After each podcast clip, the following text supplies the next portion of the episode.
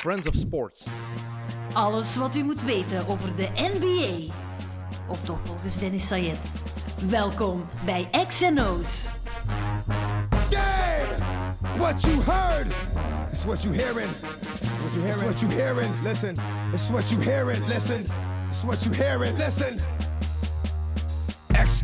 Twee podcasts in eh, twee dagen. What a time to be alive. Eh, we zitten in week drie van het NBA-seizoen en er is heel veel gebeurd, zoals te verwachten was natuurlijk. Eh, gisteren was het Tony van den Bos, vandaag een absolute fan-favorite. De enige Nederlandse NBA-kampioen ooit, Francisco Elsen. Eh, Francisco, welkom opnieuw op de podcast. Dit keer ook in beeld. Je kan je niet voorstellen hoeveel berichten ik heb gekregen van luisteraars die zeiden: als er één man is die moet terugkomen volgend seizoen, dan is het Francisco Elsen. De beste zien? podcast. Mag ik dat zien? Mag ik dat zien? zal je straks mijn gsm laten zien. Ben- beneden zit er zo eentje. Ja, ja. Mega Spurs-fan. Ja. Eh, Leroy, onder andere, die zeiden allemaal van ja, dat was de beste podcast die je gehad hebt. Is dat? Voilà, dus- Leuk, dankjewel. Hey, blijf sturen.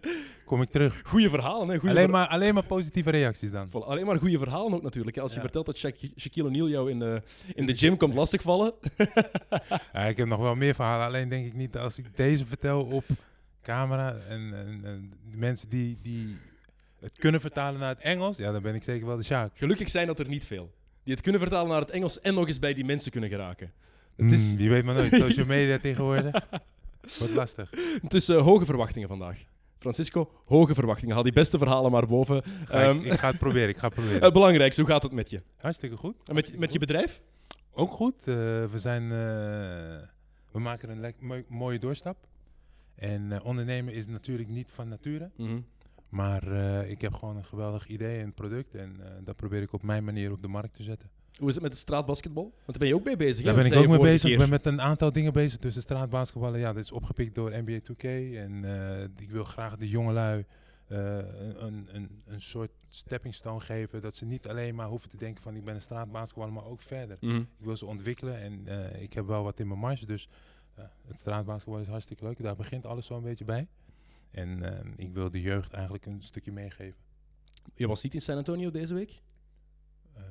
Voor, nee. voor Tony Parker. Dus een eh, Nee. jersey retirement. nee, nee, ik heb al genoeg van Tony gezien. ik was met die jongen in, eh, in Shanghai, dus ik hoef hem niet twee keer te zien in die gekke bellen. Ja, vertel eens. Je bent eh, naar Shanghai geweest met Tony Parker en met Manu Ginobili. Juist, ja, we waren daar, wat dik twee maanden geleden, ehm, voor een exhibition game. eh, met heel wat beroemde, zogenaamde Chinese influencers. Ik ken ze niet allemaal, maar Ken je er eentje? Helemaal niet. maar het, het gekke ervan is, hè, als je kijkt naar een bekend iemand, die heeft meer dan drie, vier mensen om zich heen. Mhm. En deze mensen verkopen, de Chinezen, die Aziaten, verkopen make-up. En die hebben niet één persoon, maar die hebben wel tien mensen om zich heen. Eentje die een waaier vast heeft, eentje die de make-up doet, eentje die zijn telefoon draagt, eentje die zijn kleding... En, ja, het, was, het was echt bizar. Ik, ik heb nog nooit zoiets meegemaakt, maar ik vond het wel grappig om te zien. Dus eh, we hebben daar een leuke tijd gehad met eh, Manu en eh, Tony. Dus eh, ja, eh, het was genoeg om die jongens Hadden ze jou uitgenodigd dan? Of hoe zat dat? Nou ja, ik ben, ik ben mede-eigenaar van het bedrijf. eh, dus wij doen eh, content genereren. Mhm. Omdat wij een deal hebben met Tencent. We kunnen dus voor de, de Chinese markt kunnen wij eh, NBA eh, content genereren voor hun. Zodat de mensen kunnen zien hoe zij leven. Mhm. Eh, en, en, eh, ja. Dan komt het goed uit dat jij die twee heel goed kent. Dat je, dat je er een titel Nou, mee ik hebt heb het zelf niet geregeld. maar die andere jongens waarmee wij het doen, die hebben het geregeld. En eh, ja, voor een klein bedragje doen ze alles. Voor een klein bedragje. Zeg dus- daar, Ja. daar zet Manu Ginobili zelfs een pruik voor op. Ja, dat moest wel. Maar dat, dat, dat is juist die, die, die content, hè?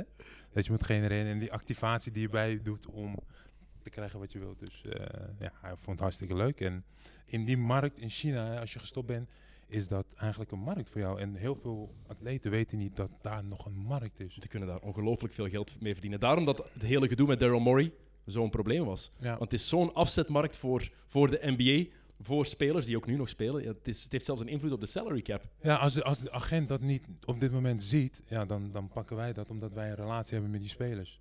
Dus dan kunnen wij dat aanboren natuurlijk. En het gekke ervan is, eh, toen ze Tony Park en Manu zagen, stond ik daar. En het, het leuke ervan is, er waren een aantal Chinezen. En die kwamen naar mij toe en die vroegen, oh, can I have autograph with Tony Parker? Ik zeg, hey man, I'm not the bodyguard. Oh, you're the bodyguard? Ik zeg, no, I'm not the bodyguard. En sommigen die keken dan en toen moesten ze echt goed kijken.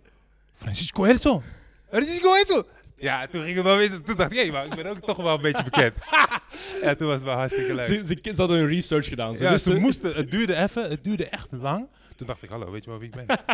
maar het duurde wel even en daarna, ja, toen ging het wel hartstikke leuk. Eh, maandag is eh, het nummer, nummer 9 van Tony Parker, eh, voor altijd uit de roulatie genomen in de rafters van het AT&T Center. Mooi moment. Sp- Speciaal, emotioneel moment ook. Ik heb de hele eh, ceremonie nog bekeken. Ehm, en dan zie je die oude beelden terug. En dan bedenk je, besef je hoe snel je vergeet hoe goed iemand was. Want als je denkt aan Tony Parker, nu denk je meteen, wanneer heb ik hem het laatst gezien in een shirt van Charlotte? Dat was niet Tony Parker. Nee. Want ik veronderstel dat het de beste point guard is waar hij ooit mee heeft samengespeeld. Of is het te Ehm, kort door de bocht dat te Ik denken? denk dat dat te kort door de Ja? bocht is. Tony Parker was meer in the paint. Hij was niet echt een geweldige paser.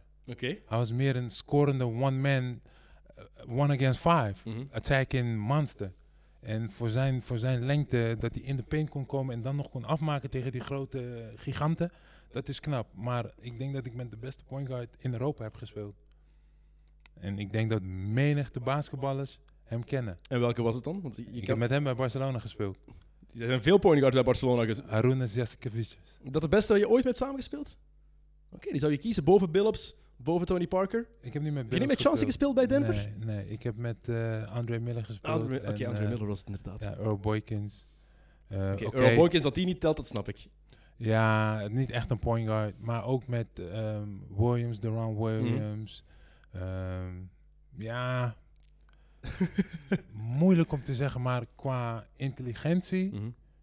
ja, Sarunas, Oké. Jasikevičius. Tony Parker, wat maakte hem zo'n speciale speler? Je zegt het al, hij had die, die kracht om tegen vijf spelers inside te scoren, had die geweldige eerste stap, want hij was razendsnel. ja. Razend- maar het was meer dan dat, hè?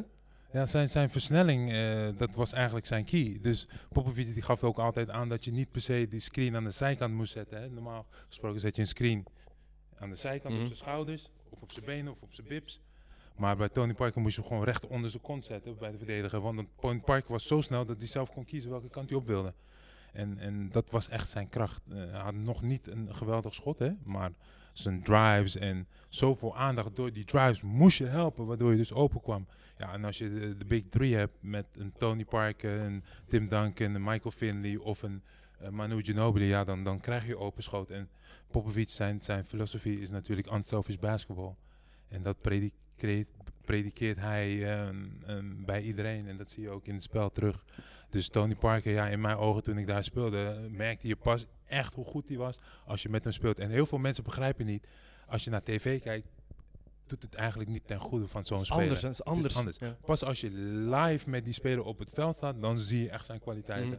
Dan voel je het ook. Want als, zo, als je zo'n speler verdedigt en hij komt op je af, dan is het automatisch een fout. Dus je kan eigenlijk, voor, voor iedereen die basketbal kijkt op tv, je kan nooit tegen een speler zeggen op tv van, hé hey, luister eens, zo wat was die slecht. Want als jij één tegen één met die speler op het veld staat, hij maakt je af. Hij maakt je echt af. Is ongelooflijk. Kijk, ik ben skinny, maar ik sta je ook slopen. Ehm, hij was wel de finals MVP. In de finals waarin jij je enige titel had gewonnen. Ik vind trouwens nog altijd dat dat Tim Duncan had moeten zijn. Tim Duncan was toen gewoon de beste speler van die hele playoffs ook, het hele jaar. Maar in die vier matchen, in die sweep, was Parker outstanding. Hij was geweldig. En, en zijn drives en zijn, zijn keuzes waren echt bepalend. En toen was het ook de eerste serie waarin zijn midrange jumper echt constant begon binnen te vallen ook. Hè? Het was de Ja. eerste keer dat mensen ook begonnen te denken van... Oh, Parker heeft toch dat shotje.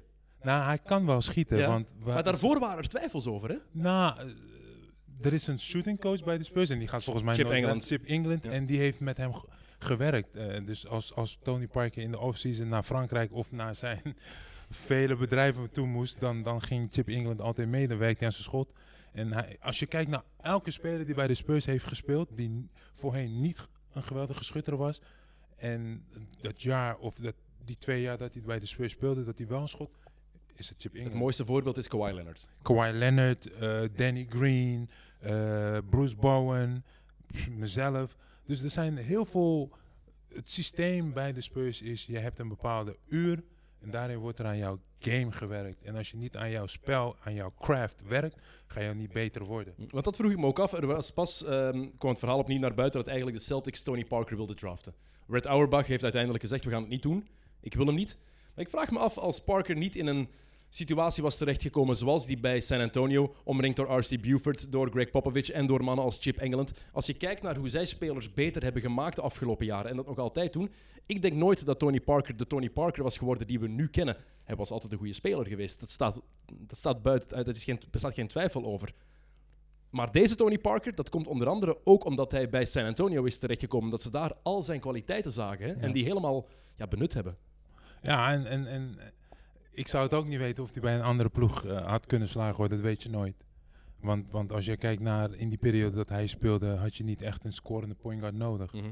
Meer een, een drive en kick. En dat paste precies bij de Spurs. En ik vind het knap dat zij dat wel hebben kunnen zien.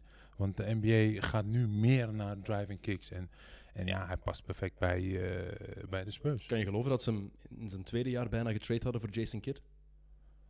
Het is er niet van gekomen, maar het was wel een optie. Dat, dat heb ik gehoord, ja. Ja? Hebben ze ook toegegeven daar al, dat het inderdaad is niet, het is geen publiek geheim of zo, het is effectief, iedereen weet dat. Ja. Dat was toen aan de orde. Maar, maar, maar het mooie ervan is, de Spurs trade nooit een speler gedurende het seizoen zo'n beetje. Heel zelden doen ze dat. Ehm, je moet het serieus verkloten. serieus verkloot zoals ik en uh, menigte anderen die ze hebben getraind. Maar, maar het mooie ervan is dat de Spurs wel gewoon heeft weten vast te houden aan Tony Parker. Hadden ze dat gedaan, dan denk ik niet dat ze meerdere kampioenschappen ha- hebben of hadden gewonnen. Mooi verhaal ook, eh, dat ik hoorde tijdens de ceremonie. Boris Diaw was daar natuurlijk, een van Parker's beste vrienden van kleins af aan. Mhm. En die vertelde dat hij eens uitgenodigd was bij Popovic thuis. ehm, voor hij in de NBA speelde zelfs. Eh, uitgenodigd was door Parker, door de familie. Ze daar aan het eten waren. En ineens waren Popovic en Parker weg. Hij was ze gaan zoeken. En dan was Popovic Parker videotraining aan het geven. Was hij, aan analyse, was hij wedstrijden aan het analyseren. Daar moet je dat doen, daar moet je dit doen. Die, band tussen Popovic en Parker, die is toch wel heel speciaal. Nou ja, dat is. Ik denk niet dat. Ik denk niet dat iedereen echt weet wat Popovic betekent voor spelers in de. NBA. Ik heb nog nooit een speler gezien die Popovic nog niet heeft omarmd.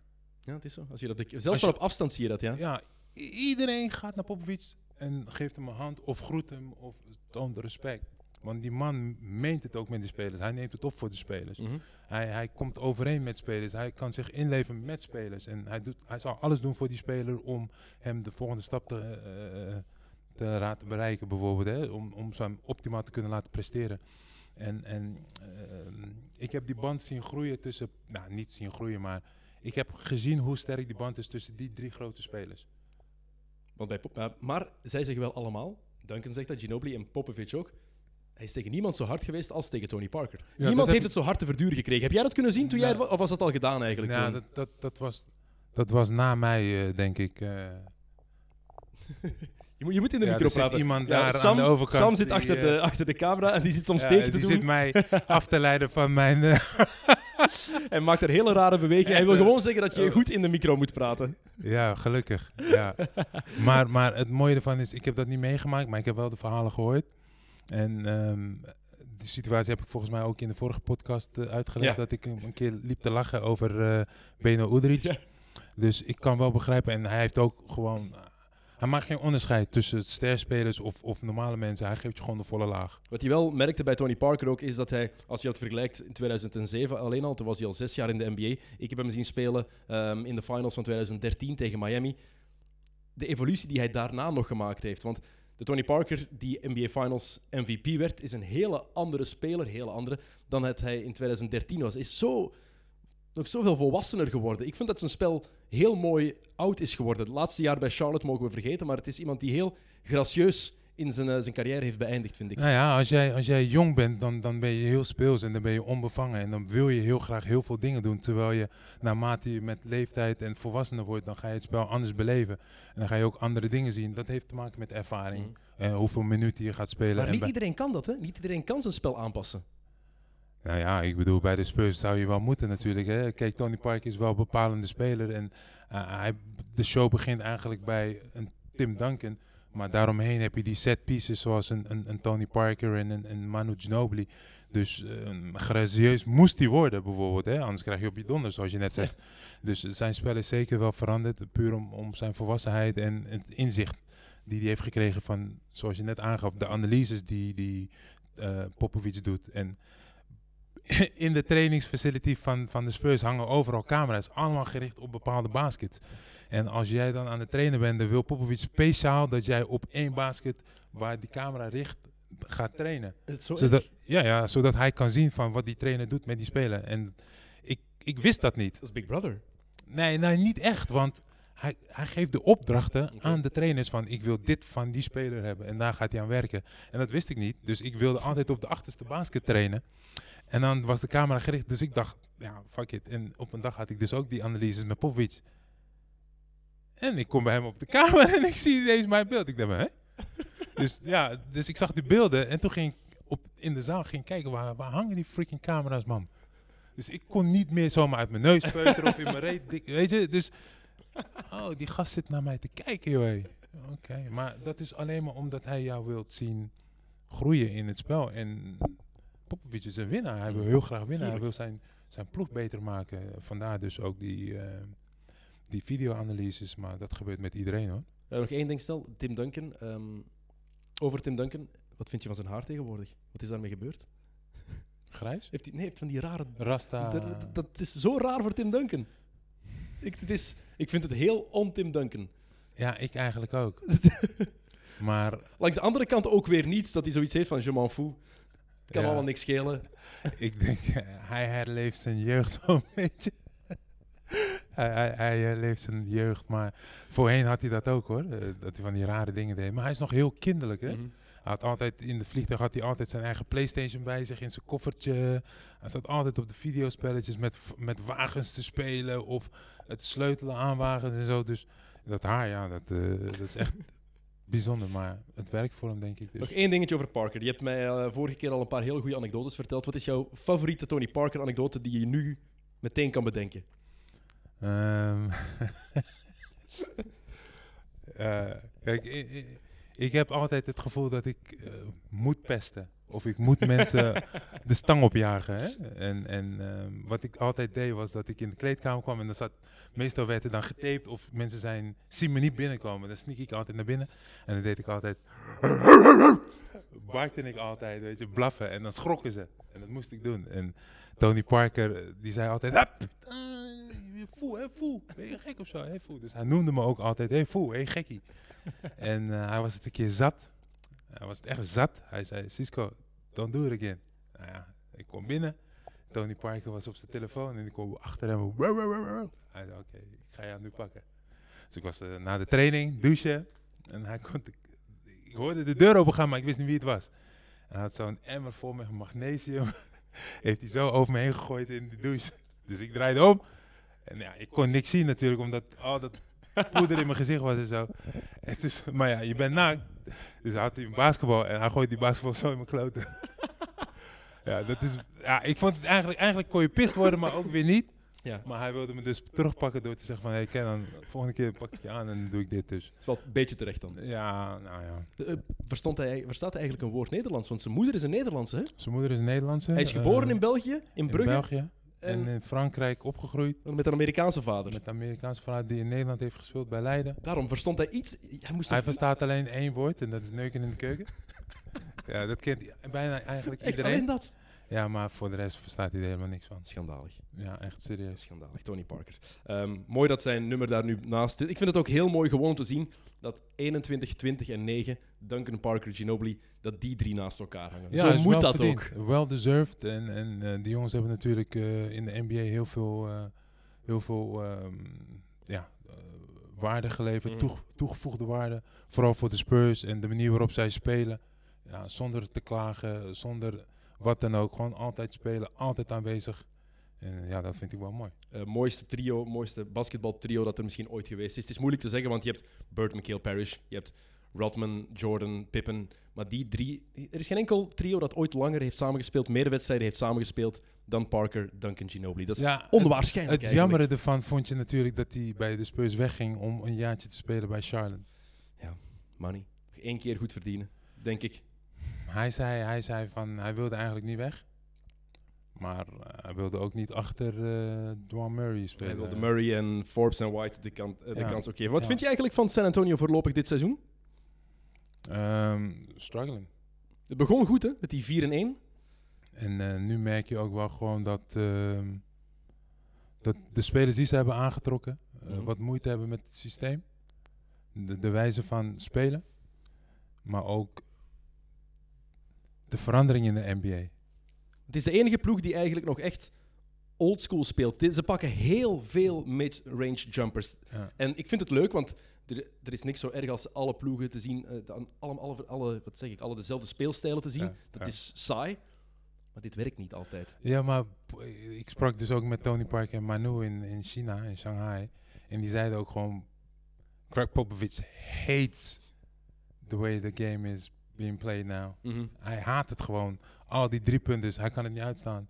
En hij blijft gewoon op zijn manier spelen met Lam- Lamarcus Aldridge. En met hem is het nog steeds een, een, een duel, een vechtduel. Want ja, Lamarcus Aldridge is niet de snelste speler, eh, niet de beste schutter. eh, maar wel een, een speler die, die dominant, kan, dominant aanwezig kan zijn. Ze moeten DeMar DeRozan wegdoen daar, vind ik. Als je Eh. kijkt, excuses, DeMar DeRozan die meer midrange jumpers pakt dan hij ooit gepakt heeft nu, Ja. tegen een lager percentage, heeft in het hele seizoen nog maar vier driepunters gepakt. Vier.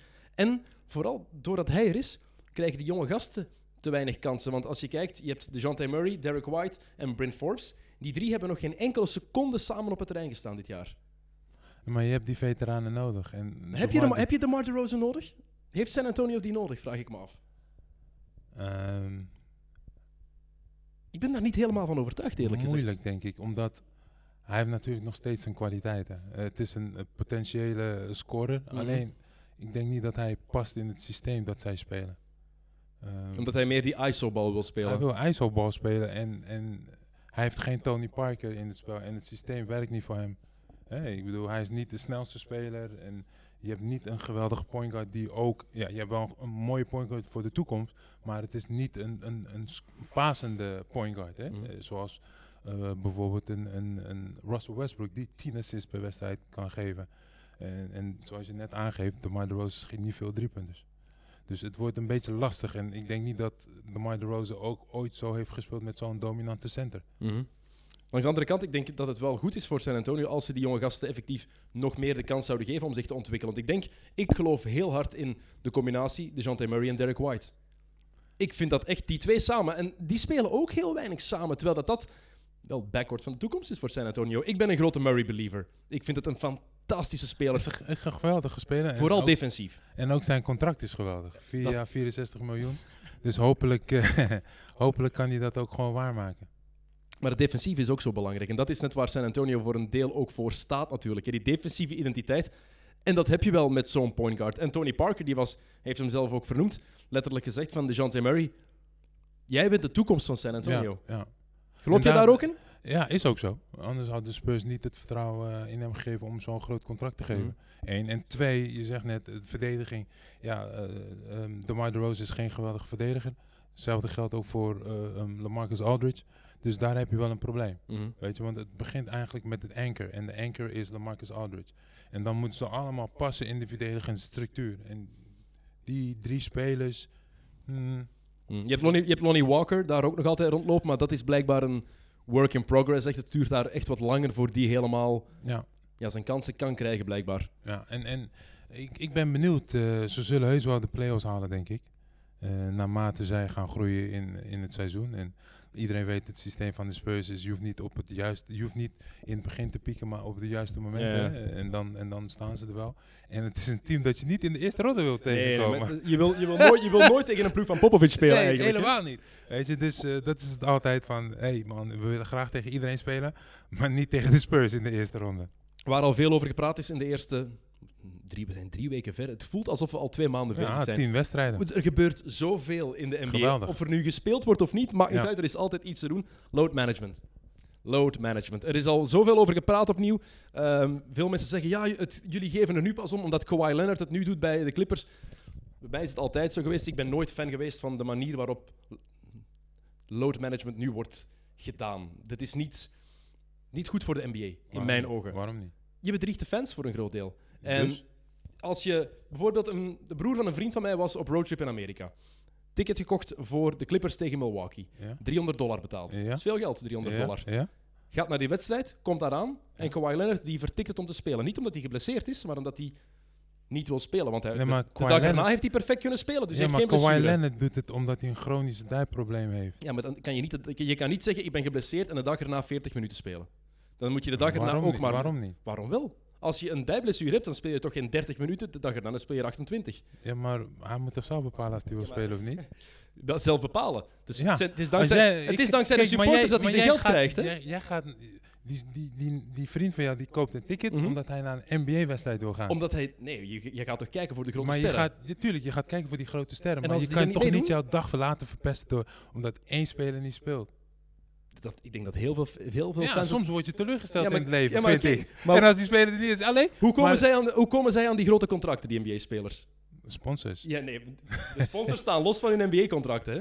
Dat krijgen ze dankzij de supporters ook. Ook een Ah, Het is gedeelte. fan-driven, hè. het is een fan-driven league. En ik snap load management. Wat ik er vooral belachelijk aan vind is, doe dat niet in de tweede week van het seizoen.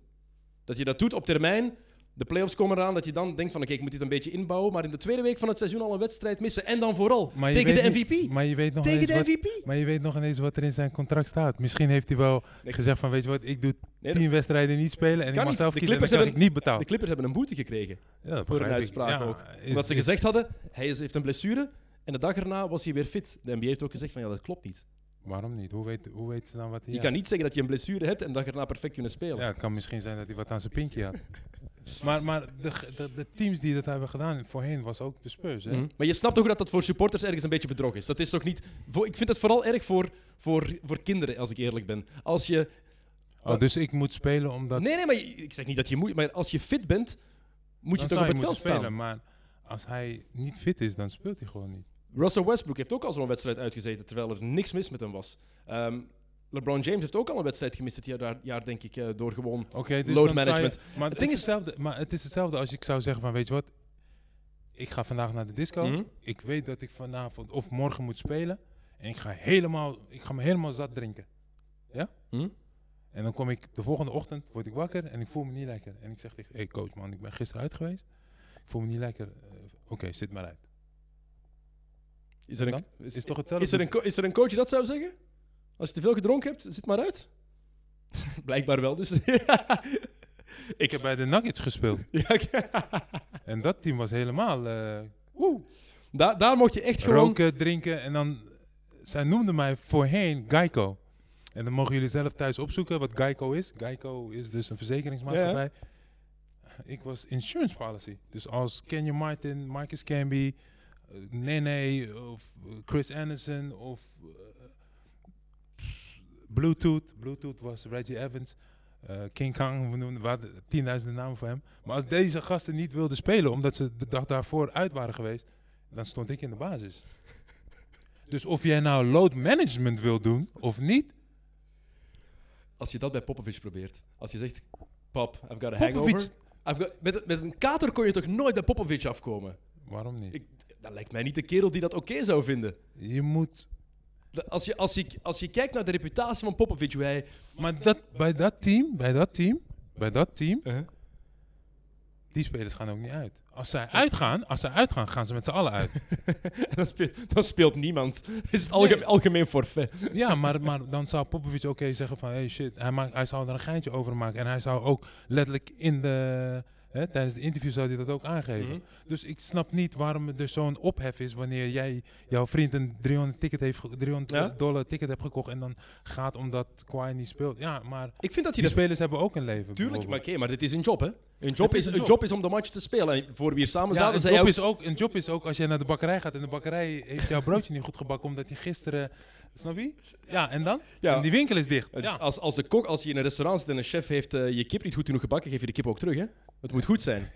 Maar je gaat, hem wel, je gaat er wel voor betalen. Geen twee keer. Ja, maar, maar oké, die speler jij, jij zei me net ook voor we begonnen op te nemen, zei ook van ja, Michael Jordan en die gasten die speelden wel alle 82 matchen. Want wat Jordan ook zelf altijd zegt, je wordt betaald om 82 matchen te spelen. Ik vind dat te kort door de bocht. Ik ben niet tegen load management, ik ben er tegen in november. Dat vind ik gewoon onnozel. Oh, in november. Vooral dat, dat is, dat is mijn grootste probleem. We zijn twee weken bezig. Ga je nu al zitten, jezelf zitten sparen voor de derde the- week van april. On the back-to-back. Ik vind dat... En, Maar- en maar- zeker maar- de topaffiche. Tegen, tegen Giannis Antetokounmpo. Zo, Kawhi tegen mean. Zo? Ja, dat, kom op, Francisco. Kom op, er zijn kom op. 82 wedstrijden. Ja, kom op. Wa- Wat wil jij liever? Oké, jij bent fan van Kawhi Leonard. Wat wil je liever? Dat Kawhi Leonard in het seizoen speelt of in de playoffs? dat is, het- dat is het ding. In het seizoen of in de Ik ben een objectieve supporter. Ik wil, zoveel, ik wil spelers zien spelen. Ik wil so NBA-spelers op het terrein zien staan. Unfortunately, he didn't play that game. So wait until the next game. Tell your friend to buy another ticket and go see him then. Ja. Eh, je hoort ook heel vaak die verhalen van, wanneer was het? Ehm, LeBron had eens een match meegedaan, denk ik, of Giannis was het. En er was een, eh, een, een kind die heel teleurgesteld was, want ze hadden zoveel kilometers gereden. Ah, net als jouw vriend. Je bent teleurgesteld, weet je wat? Go to the gift store. Ehm, Buy a jersey, have Kawhi sign it. Ja, geraak er maar eens bij. Dat is één. Daar geraak je niet zomaar bij, dat weet jij ook. Dat weet jij ook. Ik denk dat toen denk dat LeBron was, die heeft toen een ticket gekocht voor een andere wedstrijd, waarin hij wel zou spelen. Dat is dan correct. Wat vind je van dit voorstel van Jalen Rose? Ja. Om load management tegen te gaan. Dus als je een wedstrijd uitzit, als je fit bent, als je geen blessure hebt, dan moet je automatisch op je stats 0-0-0 krijgen. Maar moet dat wel doorgerekend worden bij je gemiddeldes. Zou dat spelers tegenhouden? Want stats zijn belangrijk, hè? Stats zijn belangrijk. Stats zijn belangrijk. Bonussen zitten erin. Voilà, dus Eh, stel je voor, Westbrook zit een match uit. En hij ik, denk, gaat... ik, denk, ik denk dat ze dat.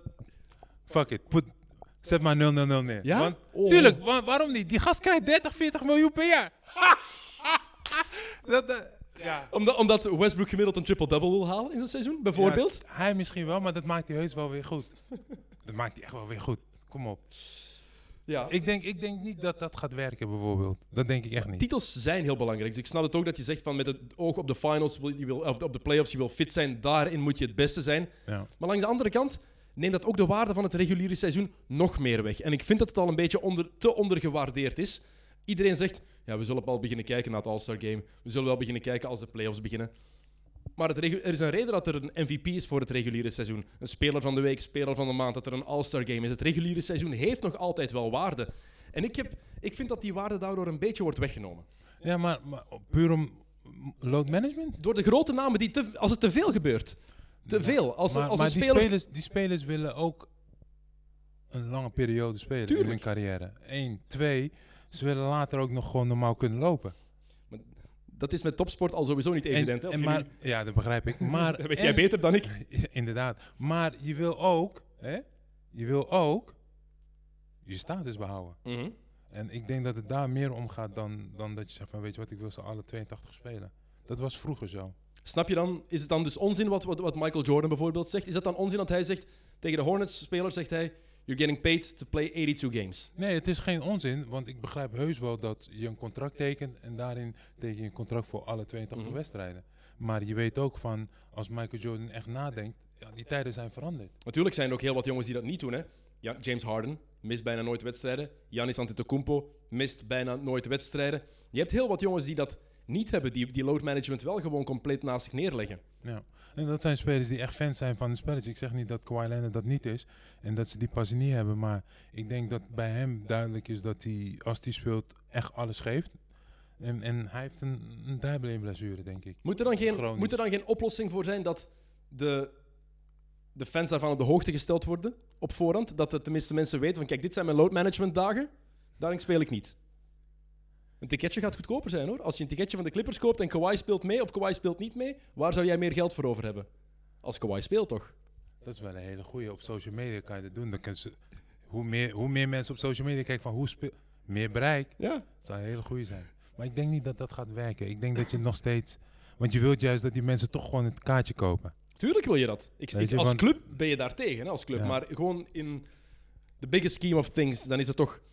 Het moet toch ergens ja, aangeduid staan. Supporters hebben het recht om dat te weten. Als je veel geld betaalt voor, voor een kaartje, heb je het recht om te weten van... Ja, oké, ik ga daar zoveel geld voor betalen, maar die komt niet Ja, opdagen. dan, eh, Kawhi speelt niet 1 tegen 5. Dat is waar. Maar het is, het is, het is, een, superstar, het is een superstar league. Tuurlijk, als jij een kaartje koopt, dan ga je gewoon naar alle 12 spelers kijken. Ik begrijp het natuurlijk. Kijk, er is een nieuw stadion gebouwd in, in Golden Ik State. wou net zeggen, ik wou het juist, ik wou het juist aanhalen. En je komt in het stadion terecht van wauw. En dan zie je. Jordan Poole en Kai Bouwman. Hoe f- eh, Ja, je, mag, je mag vloeken hier, het is geen probleem. Je mag Ja, vloeken. Dan, dan ben je ook benieuwd naar. Hoe? Where is Kevin Durant? Where is. Weet je, waar zijn deze gasten? En dan zie je ineens Jordan Poole. Eric Pascal. Huh? ik, zou, ik zou teruggaan naar de kast en zeggen van... Hé hey man, Ik wil mijn geld terug. What the hell are these guys? Voilà, my point exactly. Oké, goed. Ehm, we gaan een rondje rond de NBA doen. Oké. Ehm, waar ben jij voorlopig het meest van, eh, van onder de indruk? Kan een speler zijn, kan een ploeg zijn, kunnen een paar spelers zijn. De rookies De rookies. dit jaar. Oké, Indrukwekkend. En welke vooral? Allemaal.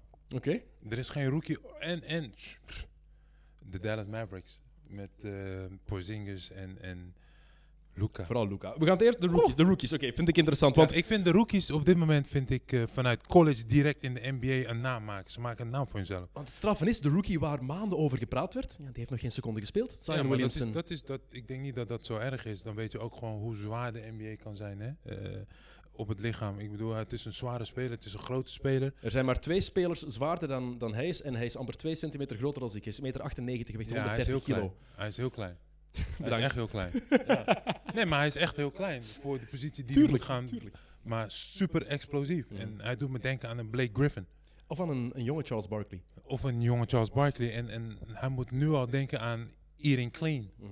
Weet je, want in de NBA wil je van alles. Je wilt, je wilt uitgaan, je wilt drinken, je wilt van alles doen. En eh, je hebt het net over load management, maar als jij nu al kan, hè, en dat doet Kawhi Leonard ook, dat doen de meeste spelers. Je wilt een lange carrière hebben, want je weet dat de carrière in de NBA eh, wat max drie jaar is, toch? Top, als, echt op je, in je prime bedoel je? Nee, gewoon de- Gemiddeld. gemiddelde carrière in de NBA is drie jaar. En dan wil je eigenlijk nu al beginnen met clean eating, eh, het verzorgen van je lichaam. En daarom vind ik, ja, kijk, die speler is nu al geblesseerd. Ja, maar daar kan hij niks aan doen. Eh, in de NBA dan hebben ze ook die regels veranderd, hè. Pre-season, eh, pre-workout. Er zijn maar één of twee dagen in die periode van pre-season dat je contact mag hebben. Een training duurt niet langer dan twee uur et cetera, et cetera, et cetera. Vorig jaar, eh, vroeger hoorde ik, hè, two days, maand lang of twee maanden lang. Dat heb je nu niet meer. Ja, dat is helemaal anders. Dus die tijden zijn veranderd. Dus ik snap ook niet waarom die fans klagen. Snap ik ook niet waarom jij klaagt of jouw vriend 300 dollar, ja, ben je kwijt. ik ja, snap maar- dat echt wel hoor. Dat Ja, dus je wilt eigenlijk, dat- wat wil je nou? Dat Zion nooit meer kan spelen en dat je nooit dat zijn maar talent die, die, heeft een, die heeft een knieoperatie net gehad, dat is anders hè? Inderdaad. Dat is dus- anders natuurlijk. Maar dat is nog steeds, hij heeft zijn voorbereiding gedaan waarin hij fit probeerde te worden, waarin hij de NBA lifestyle en, en de kracht wilde gaan nabootsen door die trainingen te doen. En dat was belastend op zijn knieën. Natuurlijk ook de jaren, heeft altijd, is altijd een high flyer geweest die zwaarder was gebouwd, dus heeft hij eh, Ja. overlast wat gehad. Hè. Als je kijkt naar de rookies van dit jaar, John Morant steekt daar voorlopig misschien bovenuit. maar je hebt vooral die lagere picks. Hè. Eh, je hebt Eric Pascal van Golden State, die het eigenlijk heel goed doet, tweede ronde pick. Ehm, je hebt PJ Washington eh, van Charlotte. Ehm, je hebt, even denken wie daar nog van die RJ Barrett natuurlijk, die het, Van New York. het enige lichtpuntje bij de zieltogende Maar, eh, New York van Knicks. Dallas, die van, die van ehm, ehm, Chicago Bulls. Eh, Kobe, Kobe. Kobe White, die er inderdaad ook rondloopt. Eh, je hebt Rui Hachimura van Washington, Van die eigenlijk heel goede dingen laat zien. En het is niet iedereen, dit is het jaar van Zion Williamson. Maar dan kijk je naar die hele draftklasse en denk je, net zoals vorig seizoen. Hier Zit zit wel wat aardig in. potentieel in, hè? Inderdaad, en daarom zeg ik ook, ik, was, ik ben echt blij verrast dat dit soort jonge spelers, of die Hè, Mhm. van, van Miami. hè, Dat is van het strafste. Miami. Dat is het strafste eigenlijk. Hè? Niet gedraft vorig Niet jaar in de G-League. Maar geweldig eh, laten zien van ik kan hier meedoen. En dat vind ik zo mooi aan de NBA. Die evolutie van hoe het vroeger was en nu. Ja, dat is gewoon een, een geweldige eh, hè, eh, ommekeer. Mhm.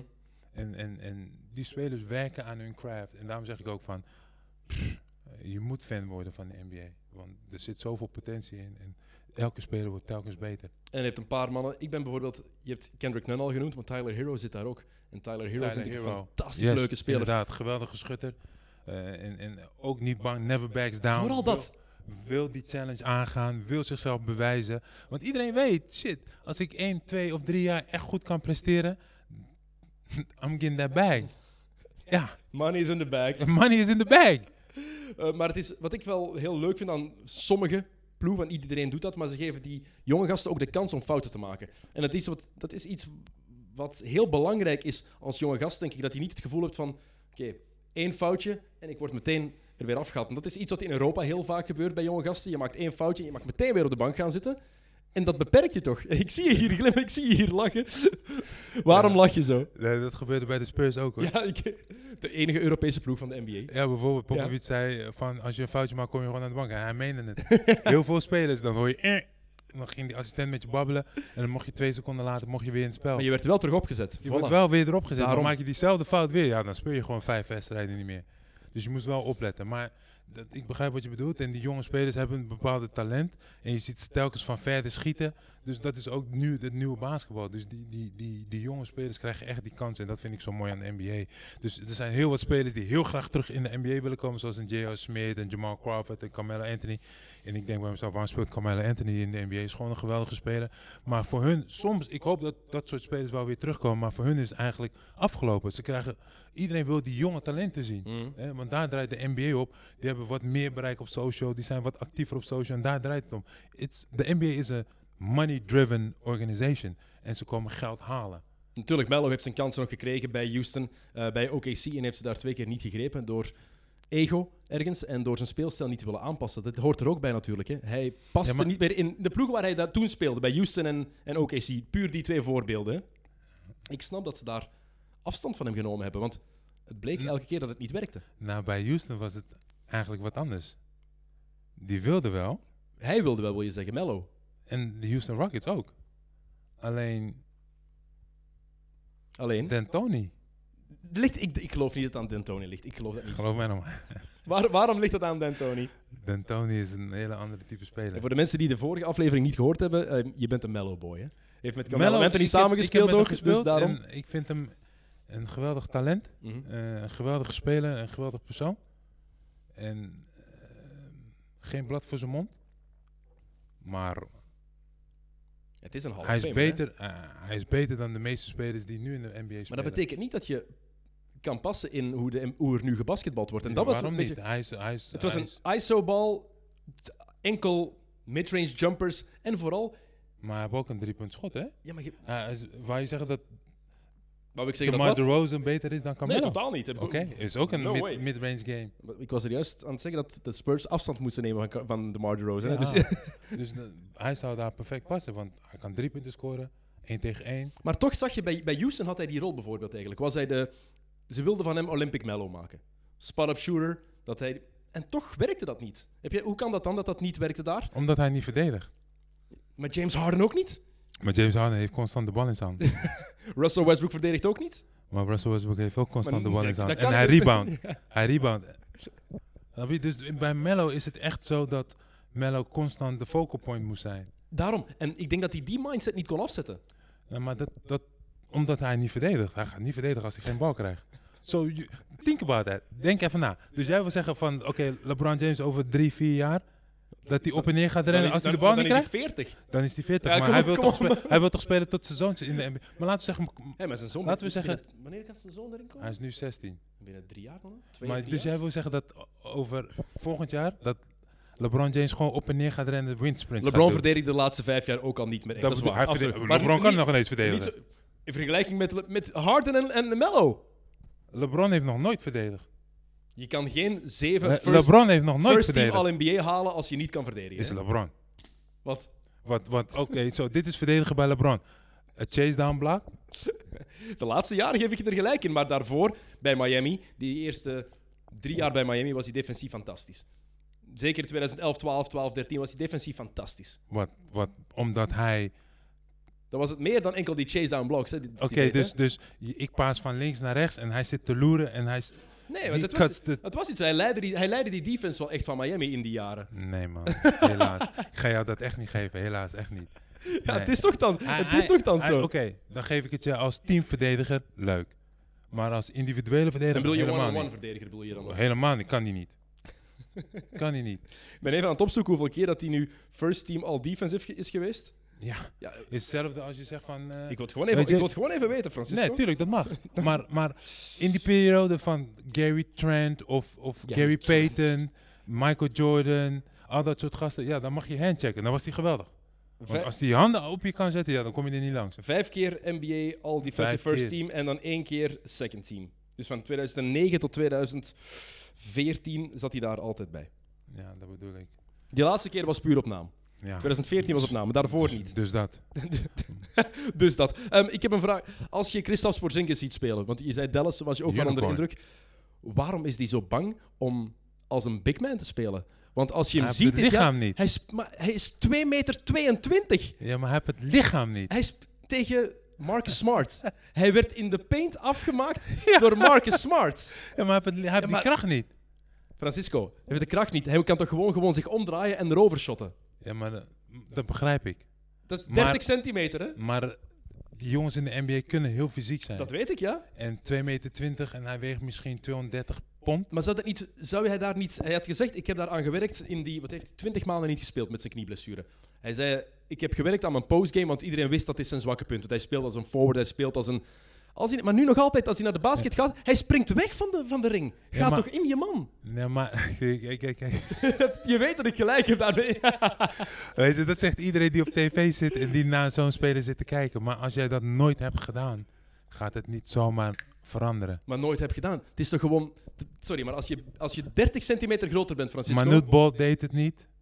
Maar Manute Bol had niet het offensieve talent dat Porzingis heeft. Nooit. Kevin Durant deed het bijna niet. Totdat aan het einde waar hij Maar meer Kevin Durant, is een post, Kevin Durant is een 3 altijd geweest, een small forward. Porzingis is een 4 of een 5. Dus die post zich effectief op. Maar hij heeft nooit geleerd om echt in die post te spelen. Zoals Kevin Durant. Die Kevin Durant die heeft dat pas leren doen toen hij meer kracht en meer zelfvertrouwen kreeg. Hij zei zelf, Porzingis, dat hij dat de afgelopen 20 maanden dat hij daar enorm op getraind had. Dan vind ik het straf. afgelopen 20 maanden. 20 maanden, ja, want hij heeft 20 maanden gerevalideerd van zijn knieblessure. Eerste zes maanden vooral die knie, maar daarna... Ja, maar dan waren het altijd turnaround jumpers. Nee, hij zegt net dat hij... Dat, dat is het punt net. Hij zegt zelf dat hij eraan gewerkt had om net echt als een postmoves, inside sterk en niet elke keer bij elk tikje naar achteren te vallen. Ja, ik vind dat vreemd dat dat niet hij is, bij ons. sterk genoeg. Hij is Je niet denkt dat het sterk puur genoeg. kracht is. Ja, Want als je hem ziet sterk nu, genoeg. hij En is, vertrouwen. hij is zoals... Dat laatste denk je dat het vooral Hij, hij heeft ook niet vertrouwen. Dirk Nowitzki deed het ook niet. Anders? Kevin Garnett deed het ook niet. Turnaround jumpers, turnaround Turnaround jumpers, jumpers. turnaround Maar, jumpers. maar kijk naar Garnett, die wisselde dat wel af. Porzingis, die Garnett kon wel... Een body, als jij tegen Garnett speelde en je bodyde hem op, hij viel niet 30 meter naar achteren. Ja, maar dat Kevin Garnett is net wat sterker en Ja. agressiever. Mindset. En denk, zoals je net aangeeft, Porzingis heeft dat nog niet. Ja, ik vind toch... Hij, hij, hij speelt ook pas in de NBA. Hè. Laat hij wat meer jaren... het is een... Derde jaar. Nee, nee, nee. Ja, één jaar Draft in geblesseerd. 2014 of 15? 15. 17, 18. Heeft, dus het is een vijfde jaar. Heeft eentje gemist, een vijfde jaar toch al. Ja, dat is dus vier jaar. Ja, dat is toch redelijk significant. Vroeger, als je vier jaar in de NBA Maar speelde je had grote niks man. gewonnen... Maar hij is een grote man, dus die hebben wat tijd nodig. ja. ja, echt inderdaad. Hij heeft echt wel wat tijd Ik nodig. vind, ik vind dat je excuses verzint voor... eh, nee, nee, nee, Kristaps nee, helemaal niet. Ik vind hem een geweldige speler. Hij heeft superveel talent. Ik ook. En die combinatie met Luca vind ik geweldig om te zien. Maar ze spelen niet goed samen, dat is het probleem. Ze spelen nog niet goed samen. Ze zijn een Ja, min, maar- maar- min vijf, denk ik, gemiddeld als ze met twee op het terrein Hallo, staan. hallo. Ja, hallo. Even serieus. Ja, ja, ze zijn net bij elkaar gekomen, hè? Zo? Zo. Oké, geef ze nog een jaar. Geef Hey, ze een jaar. ik, ik, ik, doe, ik zeg niet... Zelfde, ik zeg, situatie ik zeg als- niet dat het niet goed kan komen. Ik zeg gewoon nu, op dit moment, wat ik gezien heb, dat, dat staat los van... Het kan veranderen binnen tien matchen, hè. Ik baseer me puur op wat ik dus gezien hetzelfde geldt ook ik met Russell puur- Westbrook Tuurlijk, en, maar ik baseer me puur... We kunnen toch alleen maar oordelen op wat we gezien hebben. Ja, inderdaad. Voilà, dus ik baseer me daarop en daarin zie je voorlopig... Werkt dat nog niet genoeg? Nou, nog niet. Ah, voilà, maar dat is maar daarom punt zeg ik, geef hem wat tijd. Geef ze wat tijd. Dus eigenlijk geef je mij gelijk zonder dat je me gelijk wil geven. Dat is mooi. Deze man is helemaal... Ehm, ploeg waar ik on- ongelooflijk van onder de indruk ben, de Toronto Raptors. Ik niet. De Toronto... Ja, jij wil net tegen mij gaan doen. Ja. Nee, Toronto, hoe zij het zonder Kawhi Leonard kunnen volhouden om zo op zo'n niveau te spelen en dan nu zonder Ibaka, zonder Lowry, allebei Dus die zullen ook wel weer naar Mogelijk, gaan. mogelijk, maar Ja. dan nog. Siakam en Van Vliet hebben, hun, hebben zo dat vertrouwen na die playoffs meegenomen en hebben hun niveau alleen maar omhoog getrokken, lijkt me. Ehm, Siakam speelt als een echte superster. Maar, even superster. wachten, even wachten, even wachten. Tegen wie hebben ze gespeeld? Dat is, dat is waar, absoluut. Maar baseren we puur op de. We kunnen ons alleen maar baseren op wat we gezien hebben. Ja, Ik dat kan moeilijk- ik ook. Dus Voilà. dan, dan is hun record, hun record, is puur aan de hand van tegen wie ze hebben gespeeld. Tegen de Lakers gewonnen, onder andere. Antwerpen, Brussel, eh, Genk. Ja. Portland, Lakers, Clippers. Om maar drie degelijke ploegen te noemen. En dan gaan we, Portland, Portland is helemaal niet goed. dit seizoen zijn ze voorlopig nog niet goed bezig, maar het zou wel een playoff team moeten zijn. Hassan Whiteside, wat een kut pick-up is dat ook. Ehm, defense van de Raptors, de laatste matchen. Tegen de ehm, Blazers hebben ze Lillard op 9 punten gehouden. 2 op 11. Daarvoor had Lillard 27, 30 en 60 punten. LeBron op 13 gehouden, 5 op 15 shooting. En Kawhi op 12 punten gehouden, 2 op 11. Dat is, het is wel straf. Vorig jaar in de finals deed dat ook met, met Stephen Curry met een, een box and one. Een fucking box and one ja, maar in de nu, NBA. nu En- kijk, tegen dat soort grote ploegen, dan word je wakker. En dan wil je spelen en dan wil je jezelf bewijzen. Ga je zeggen dat Toronto ge- geen grote ploeg meer is? Gewoon dat Kawhi daar Nee, ze is? zijn, ze zijn zeker wel een grote ploeg, omdat ze kampioen zijn. Ze zijn de regerend kampioen. Mhm. Maar als jij bijvoorbeeld tegen een LA Lakers speelt met LeBron James, dan wil iedereen komen kijken. Dan heb je die innerlijke drive, die innerlijke motivatie om een goede prestatie neer te zetten. Dat hebben ze gedaan. Als jij tegen de Clippers speelt, dan wil je dat ook doen. Maar ja, tegen die kleine ploegen, ja, dan presteren ze ook wel. Ze zijn wel 8 en 3 voorlopig al. Je hebt de Nu nog. track record. Ja, nu nog. Ja. Maar ik, ik denk dat dit wel een ploeg is die we misschien wat onderschat hebben. In het algemeen, iedereen dacht de, het vertrek van Kawhi Leonard gaat zo'n grote impact hebben. Terwijl ze vorig jaar, toen Kawhi 22 matchen gemist heeft met load management, Deden ze het ook deden goed. ze het ook goed. En ik denk dat ze, ik vind het vooral straf nu. Lowry valt geblesseerd uit, Ibaka valt geblesseerd uit. En toch blijft die ploeg Nou ja, maar dat is, dat, dat is, ze hebben daarna nog één wedstrijd gewonnen. Maar, maar het gaat erom dat ze nu wel snappen hoe ze samen moeten spelen. En dat hebben ze dus in het begin heel goed gedaan. Dus we, zoals je net zegt, ze zijn pas 10, 11 wedstrijden Mhm. onderweg. Dat is natuurlijk bij iedereen zo. Hè. En dan kunnen we eigenlijk heel weinig zeggen. Laten we kijken wanneer ze 20, 25, 30 wedstrijden hebben gespeeld. Dus jij gelooft niet in Pascal Siakam als superster? Ehm, er wordt nu een vergelijking gemaakt tussen Pascal Siakam en Giannis Antetokounmpo. Hij is een geweldige speler, hij is een leuke speler, maar hij is niet op dat niveau. Janis is qua lichaam alleen al te uitzonderlijk. Super anders. Ik denk dat, denk dat Siakam de Siakam heeft, ideale heeft nummer skills. 2 is in een titelploeg. Echt, de, het is een perfecte second option. 2, 3. Zel- zelfs derde optie Derde liever? optie. Hij, hij kan de bal leuk opbrengen, hij heeft lange armen, hij heeft de skills, maar echt een... een, een hij doet me denken aan, aan, ehm, aan die speler van Boston, Jason Tatum of Jalen Brown. Jalen Brown. Ik, maar Siakam is wel al meer polished. Nu al. Terwijl hij kortere carrière heeft gehad. Hij, heeft, hij, hij, hij moet zich nog verder ontwikkelen. Hij doet het hartstikke goed, vind ik geweldig. Hij schiet nu ook wat meer. Hij neemt wat meer op zichzelf. Ehm, hij, hij probeert nu ook een two-way player te worden Mhm. met het verdedigende hulp, rebounden. En hij ziet zichzelf nu als de man. En daar, daar, daar helpt de Toronto Raptors aan mee. Ze geven hem ook constant de bal. Tuurlijk. Tuurlijk, hij is op dit moment echt de man. Ik vind die transformatie gewoon knap die hij gemaakt heeft in drie jaar tijd. Ja, In drie jaar tijd is hij zoveel vooruit gegaan. En je ziet, je ziet spelers die elk jaar een stap zetten. Maar ik had niet verwacht dat hij zo'n grote stappen zou zetten. In zo'n korte periode. Nou, hij had het in de playoffs gedaan. Maar ik weet, niet, ik weet totaal niet wat zijn, wat, zijn, wat zijn piek is. Totaal niet. Wat zijn, eh, zijn plafond is, wil je Wat zijn zeggen. plafond is, ja. Dat vraag ik me ook echt af. Ik denk, Maar het zou, het zou leuk zijn als hij voor, voor de Toronto Raptors, als hij dat zou kunnen ontwikkelen. Maar ik, ik zie hem niet als de grote man in de NBA. Oké. Ehm, de Boston Celtics, de Lakers en de Celtics staan weer op toppen. Allebei. Lakers in het westen, Celtics in het oosten. We zijn terug in de jaren 80. Maar Boston heeft ook nog niemand gespeeld. Boston, maar wel, vond ik een leuk weetje. Ze hebben nu negen matchen op rij gewonnen. De langste winstreak uit de carrière, van, Ke- de, carrière van Kemba Walker. Wauw. Kemba Walker, Char- is, Charlotte.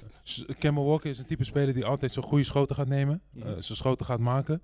Eh, hij speelt nu onder een hele goede coach.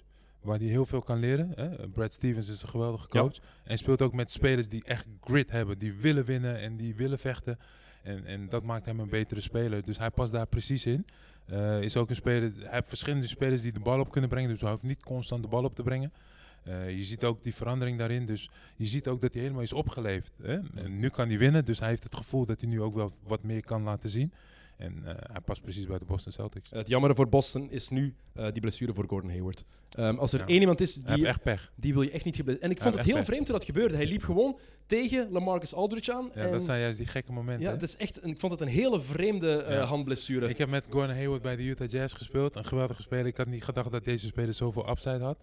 Een harde werker en met, met, met bounce. Kan springen. Maar Aardig springen. Zeker na die beenblessure, dat hij daar zo is, terug is doorgekomen. En is er iemand die het harder gunt dan Gordon Hayward om terug fit te zijn? Nou ja, hetzelfde geldt met Paul George, die Ja, ook zo'n exact, beenbreuk heeft exact. gehad. En, Dus je moet hem wat tijd gunnen. Die jongens hebben ook een moment waar ze bang zijn om weet je, die afzet te maken, om te springen, om te landen. Maar hij was weer de oude hè, dit jaar. Hij speelde weer als Gordon, de Gordon Hayward van zijn laatste jaar bij Utah. En ik was zo blij om dat te zien, want ik Ja. vond het bij Butler vroeger al fantastisch Ja. in college. En dan, zag- en dan gebeurt dat en dan denk je, ah, Ja, come eh, on, hij- niet jij, niet hij jij. Krijgt geen, hij krijgt geen break, maar Ja. ik hoop wel weer dat hij eh, de ouder wordt natuurlijk. Eh, het is een geweldige speler om te zien. Ik vind het alleen jammer, ik denk niet dat hij bij Boston past. Nee, Nee, het is een, het een college coach, hè? ja, systeem- systeem... college coach, maar dat wil niet zeggen dat hij dan daar past. Ja, ik, want er zijn andere spelers om hem heen die eigenlijk veel meer upside hebben, zoals een Jalen Brown of een, ja, niet een Jalen Brown, maar Jason Tatum. die meer, net iets meer upside hebben. En dat zijn spelers die constant de bal in hun handen willen hebben. Maar ze, ze Eh. vinden het wel niet erg, lijkt me, als ik de eerste match... Ik heb denk ik vier matchen van de Celtics gezien met Hayward. Ze duwen Hayward ook wel in die playmaking rol. En ze vinden dat oké. Ja. Omdat ze... Jalen Brown is een ander soort speler. Jason Tatum is meer de Kobe-mentaliteit. Als hij de bal heeft, dan gaat hij voor die score gaan. Maar Hayward is iemand die niets, niks liever doet dan zijn ploegmaats bij het spel betrekken. Inderdaad, inderdaad. En ik vond hem meer passen bij de Utah Jazz. Oké. In Als ze die daar nog hadden gehad, Utah... oef. Ja, want dan had hij ook wel meer kansen natuurlijk. eh, en nu zie ik hem wat meer op de achtergrond spelen. Oké. Ik wil nog een paar dingen snel met je overlopen, want ik ben je al eh, lang aan het, eh, aan het opeisen hier. Ik heb één belangrijke vraag, vraag nog. Andrew Wiggins. Real or not real? He should just turn in his contract and, go home, go back to Canada. No, I'm just joking. is een type speler die zoveel talent heeft, maar dat komt er je- niet uit. Koop jij een condo op Wiggins Island? Hell no. Nou, ik, ik, ik ben al lang weggevaren. Ja, ik ook, maar de laatste paar wedstrijden, geweldige statistieken. is- ik heb ze hier. Ehm 30 punten, 8 rebounds, 7 assists, 33 punten, 6 rebounds, 5 assists, 25 punten, 4 en 5, 40 punten, 5 en 7 ehm, en 30 punten. En misschien heeft Jimmy Butler dat in hem losgemaakt, want dat hele team is gewoon soft. Net als eh, Cat. Soft. Maar, maar echt soft. Maar, maar Wiggins heeft een bepaalde talent. Je zou kunnen zeggen van, wauw! Zo, deze speler gaat het maken. Maar het komt er gewoon niet uit. Wiggins is een meer geëvolueerde versie van Jeff Green. Jeff Green. Jeff Green. Je- als je naar kijkt, denk je, prachtige speler. Heeft alles om een topper te zijn. 6 foot 7, atletisch vermogen, goed shot. En dan komt de wedstrijd en denk je, speel je wel graag? Doe je dit wel graag? Waarom mis jij zoveel? Waarom neem je zoveel slechte beslissingen? Dat vind Ik bij, bij Andrew Wiggins ook. Want iedereen zegt, hij scoort wel 20 punten per match. Het is niet, in de NBA is het niet omdat je een topscorer bent, dat je ook een topspeler bent. Ja, en maar, maar ook waarschijnlijk, kijk, waarschijnlijk heeft dat talent die hij heeft of bezit, niet voor de Milwaukee, eh, f- eh, voor de Timberwolves. Oké. Misschien had hij bij een andere ploeg moeten spelen. Waar hij wel die, die, die begeleiding kon krijgen om, Ah, Ik dacht, dacht dat je, dacht dat je een. Europese ploeg ging noemen. Zo de, zoals de Antwerpen. Antwerp Giants. Wie wil daar? nee. Ehm, de New York Knicks, heb je daar iets over te zeggen? Next. nou, wel een hele leuke pick-up. Geweldige speler. Hopelijk wordt, is ook een hele grote speler, hè? Eh, qua lengte, qua postuur. Ik denk ook dat eh, ze moeten gaan bouwen om Ja. hem heen. Ehm, bij RJ Barrett dan ehm, moet Fisdale ontslagen worden. Want bij de Knicks, de, ze hebben daar een persconferentie gehouden omdat ze vonden dat ze het verplicht waren aan de supporters, aan de supporters om duidelijk te maken dat ze niet tevreden waren met wat de ploeg gedaan heeft. En dan denk ik, jongens, assholes, jullie hebben die ploeg samengesteld. Jullie hebben 25.000 power forwards aangekocht. Ja. En dan verwachten jullie dat. Fisdale coacht ook niet goed, het is zo. Maar wat moet hij doen met zo'n shitshow? Marcus Morris is topscorer van die ploeg. Ja, ja, sorry, maar Morris, Portis, wie loopt daar nog rond? Julius Randle. En dan ga je klagen dat hij heeft alleen maar een linkerhand. Ja, dat is altijd zo geweest Hij dat hij alleen maar een linkerhand heeft. Die kan, dat is niks nieuws. Taj Gibson. Waarom trekt hij Taj Gibson aan als je die drie minuten per match gaat laten spelen? Ja, Ik denk dat, zoals, ik, zoals we eerder al zeiden, die hele organisatie moet gewoon weg. en het begeleid, ik bedoel, zelfs Phil Jackson kon het niet op de rails krijgen. gewoon afscheid nemen van de niks. Echt serieus, want wat zij daar doen is gewoon belachelijk. Voorheen hebben we, hebben we hun altijd pak slaag gegeven dat ik daar speelde. Dus ik vond het hartstikke leuk om daar te spelen, Madison Square Garden. Omdat het MSG is, hè? Omdat het MSG is, maar dat team dat er altijd stond, belachelijk. Carmelo Anthony heeft daar gespeeld met, met Jason Kidd, met eh Kenyon Martin. Het is gewoon een vriendenteam. Ja. Maar die hele organisatie is gewoon, eh stelt niks voor. Het is eh, niet meer de club die het in Nee, de jaren helemaal 90 niet. was. Helemaal Ik niet. denk iedereen die geboren is na 99 of 2000, dat die denken de New York Knicks, dat is toch die, die rotploeg, want Ja, die hebben dat, moet die hebben dat nooit nieuwe- gevoeld. Er moet een nieuwe wind komen, nieuwe gezonde energie. En dan zal het nog wel eens een keer wat worden. Maar op dit moment met die organisatie... eh, zij snappen waarschijnlijk basketballen niet. Daar ben ik het helemaal mee eens. En James Dolan, wat een ramp. Ehm, nog één vraag. Straks maakt Paul George zijn debuut dit seizoen. Ehm, tegen de Pelicans is dat voor de LA Clippers. Bij de Lakers is LeBron James. Nou, die, die eerste wedstrijd zag hij er voor het eerst 35 jaar uit. Voor het eerst leek het alsof hij effectief zo oud was als hij is. Dat is blijkbaar ook weer voorbij, want hij heeft die youth potion weer gevonden en lijkt weer 26 jaar. Mhm. Degoutant hoe dat kan. Blijkbaar dat iemand zo jong kan lijken. Maar gewoon de vraag: Lakers of Clippers? Als jij moet kiezen nu, Lakers of Clippers, wat is de betere ploeg? Objectief, hè? puur los van voorliefde, wat vind jij de betere ploeg? Ehm, dan moet ik eerlijk zeggen dat ik voor de Clippers ga. Waarom? Omdat zij voor, vorig jaar al hadden gedaan wat ze deden. Mhm. En nu hebben ze twee topspelers aan die ploeg gekoppeld. En dat is dus Paul George en Kawhi Leonard. En al die spelers die ze hebben zijn verdedigend allemaal ingesteld. Eh, En, en bij de Lakers ook wel. Die hebben ook een geweldig verdedigend team neergezet. Frank Vogel komt van de achtergrond van verdedigen. Jason Kidd, eh, Ryan Hollins. ehm, eh, dus dat zijn allemaal een, een type verdedigende coaches. Maar als je kijkt naar... Oké, Lou Williams heeft een kampioenschap gewonnen als coach en als speler.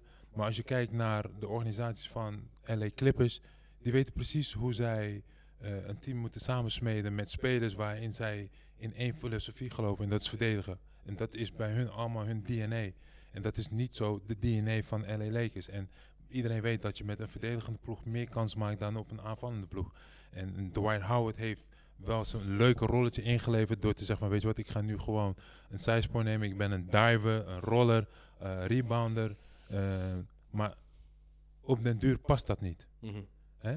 Ze hebben drie, vier grote mannen die totaal geen scorend vermogen hebben, behalve ehm, AD. ehm, AD. Hè? Maar, ehm, en ook geen verdedigende, kwali- verdedigende kwaliteiten. En dat missen zij natuurlijk hè? eh, op, op inside of outside. Ze werken op den duur niet als team. Want ze, dat zit niet in hun DNA. En dat, dat heb je wel bij de LA Clippers. En ik denk dat de LA Clippers juist wel meer kans maken. Omdat zij dus als team spelen, eh, een geweldige coachingstaf hebben. En weten wat het kost om ehm, ehm, ehm, als team te spelen. Oké. Eh, Dwight Howard trouwens, die zijn eiland mag van mij even ver liggen als het eiland van Andrew Wiggins. Daar ben ik ook al lang van. Ik was in het begin heel eh, fan Ja, van, van die man. Tot hij weggegaan is bij Orlando. Toen is het downhill gegaan. Voilà, voilà. Oké, Francisco, bedankt dat je er was. Dat was Yes. heel fijn. Eh, Zeker. bedankt dat je eens naar België bent gekomen. Volgende keer zullen wij terug naar, eh, naar Rotterdam komen om het eh, Inderdaad, een beetje ja, eerlijk ja. te houden. Ik bedank jullie voor het luisteren en tot de volgende Come